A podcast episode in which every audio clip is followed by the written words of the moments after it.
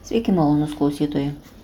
Aš Monika Kuzminskaitė, sveikatos ir mytybos psichologė ir čia šaukšto proto tinklalaidė.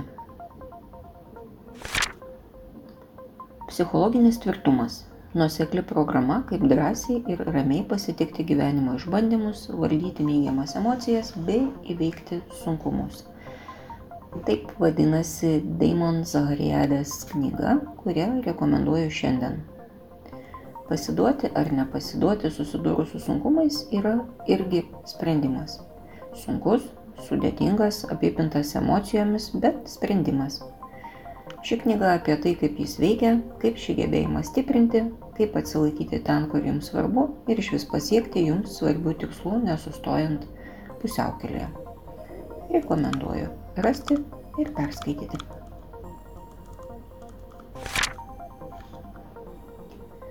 Švarus valgys arba clean eating. Kas tai yra ir kaip tai susiję su protu?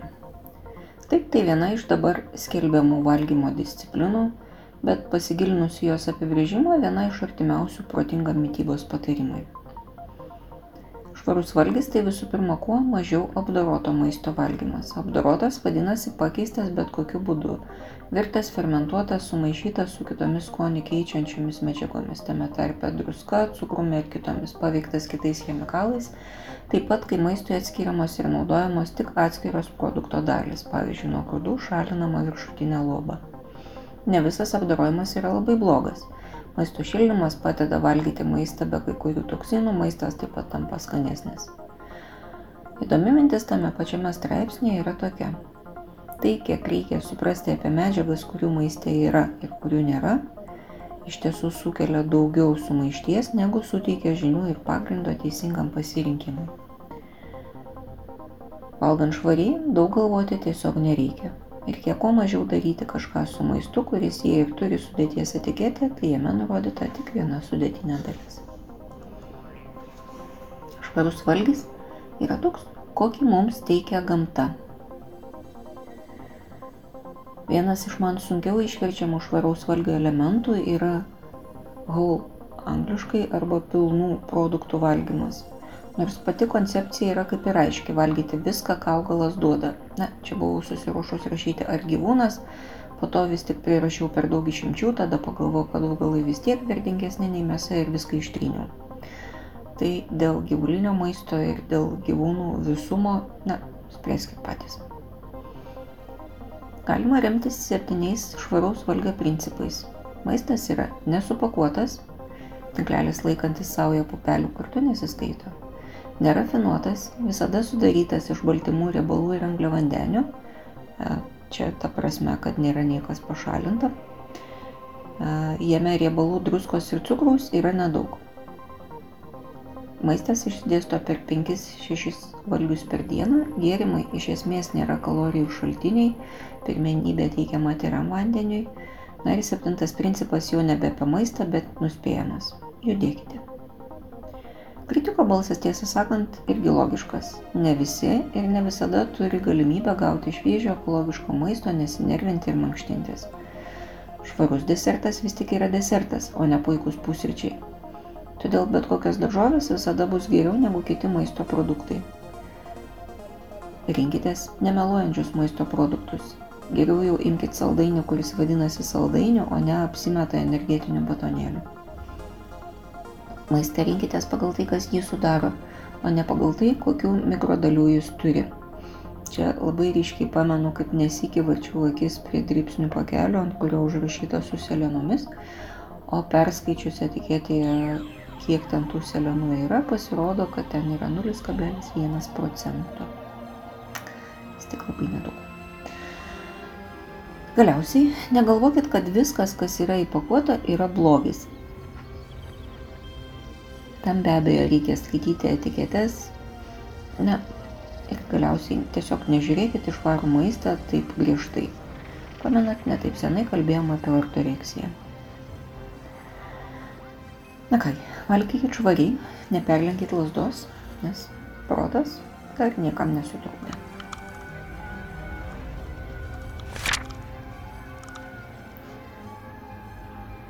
Ką tik žmonės šventė užgavėnės buvo pilna žmonių persirengusių velniais, gydytojais, vengrais, meškomis, čigonais, giltinėmis, visko, ko žmonės kažkada bijojo dėl įvairių priežasčių.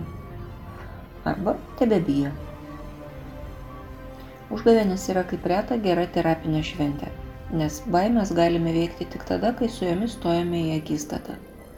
Pakartotinis susitikimas su baime grėsmingų situacijų prisiminimas veikia adaptyviai, gydančiai. Na, aišku, nebent buvusią situaciją klaidingai tebe laikome grėsmingą. Tada, žinome, turime derlingą dirbą fobijoms ir potrauminiams reiškiniams. Jeigu nerandam būdų baimę keliančiam reiškiniui pasipriešinti, apsiginti, išspręsti situaciją ar net išvengti jos, tada baimė, žinoma, lieka pagrista, jeigu vertinam situaciją ne klaidingai, o teisingai. Na, bet taip spėjo būna retai. Dažniau baimė yra tik gauruota kaukė, tolimas tikros baimės atspindys, kuris tinka tik šventijai. Pergalės prieš baimę šventijai. Štai italai savo karnavalę, tokiuose pat užgavėnėse, nieko nelaukia atvaizduoja ir labai šiuolaikiškos baimės. Man atrodo, tai viena iš reikalingiausių akistatų daugeliui mūsų. Kokios kaukės jums labiausiai reikia per šias užgavėnės?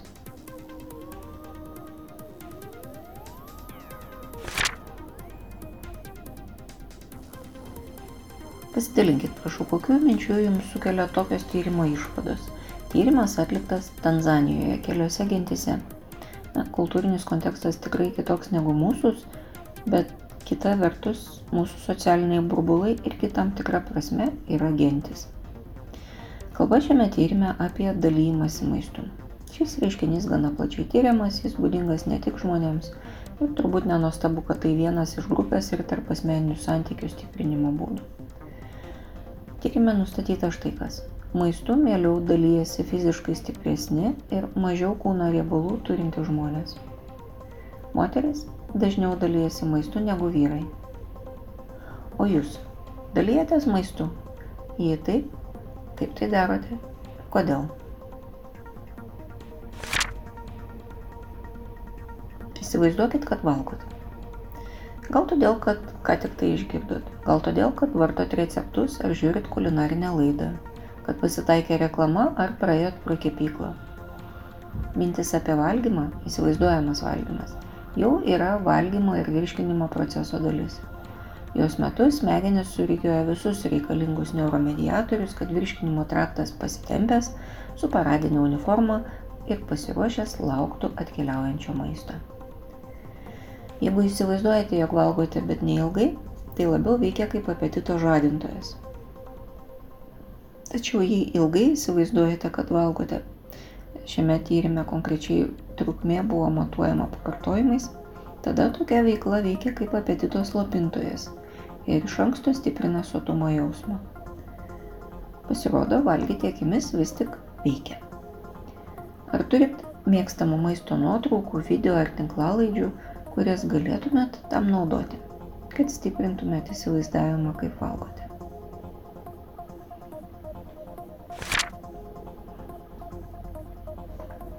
Žinau, kad laikas yra tik sutartinės dydis ir įrankis mūsų gyvenime, bet sukaktis vis tiek paliečia kitaip. Atsiranda kažkoks kitoks jau. Šį kartą tai žinoma yra jau metai. Visiškai gniuždančio liūdėsio, pykčio, ryšto, savo vertybių ir prioritetų peržiūros, darbų ir vėl visko ratu. Ši pandemija ir šis karas pakeis mus visus yra ir bus sujudintos visos regimai nepajudinamos atramos ir struktūros. Vieniems vienaip, kitiems kitaip.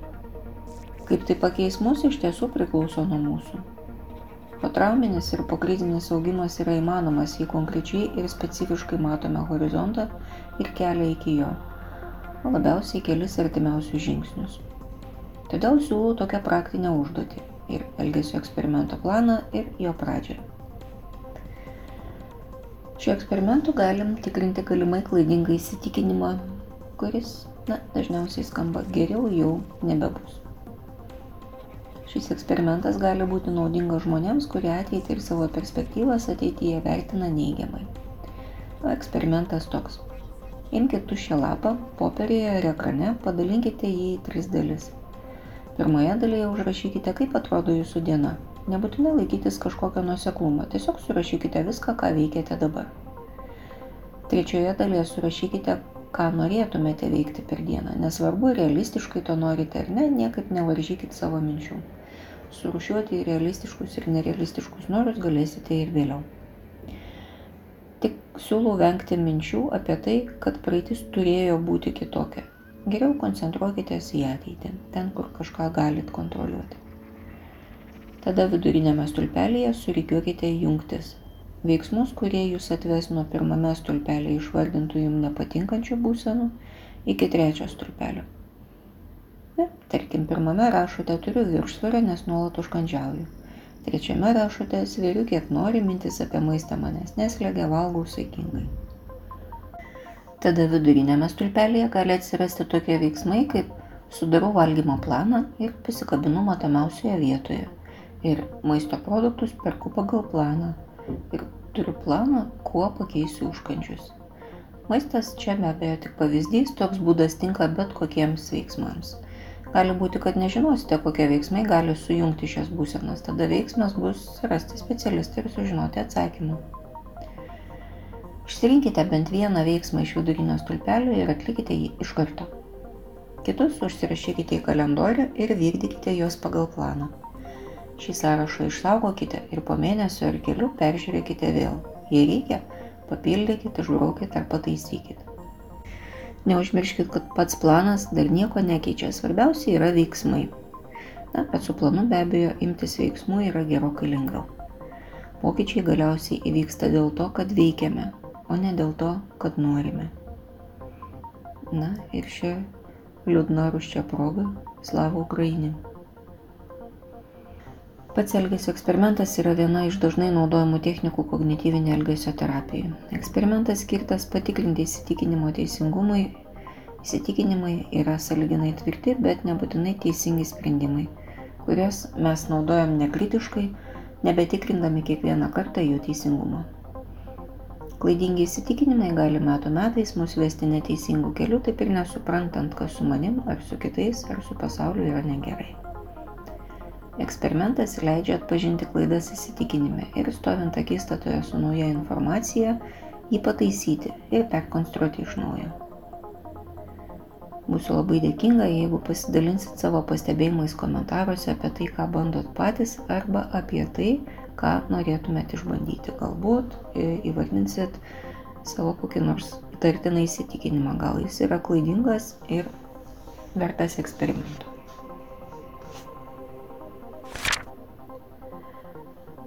Šiai savaitė tiek. Aš Monika Kuzminskaitė, sveikatos ir mytybos psichologė, padedu spręsti kasdienius ir sudėtingus elgesio, mąstymo ir emocijų klausimus. Rašau, skaitau paskaitas, teikiu psichologinės konsultacijas. Mane rasit socialiniuose tinkluose vardu Šaukštas Proto, rašykit man asmeninę žinutę ten arba elektroniniu paštu adresu šaukštas.proto atgmail.com. Taikos ir ramybės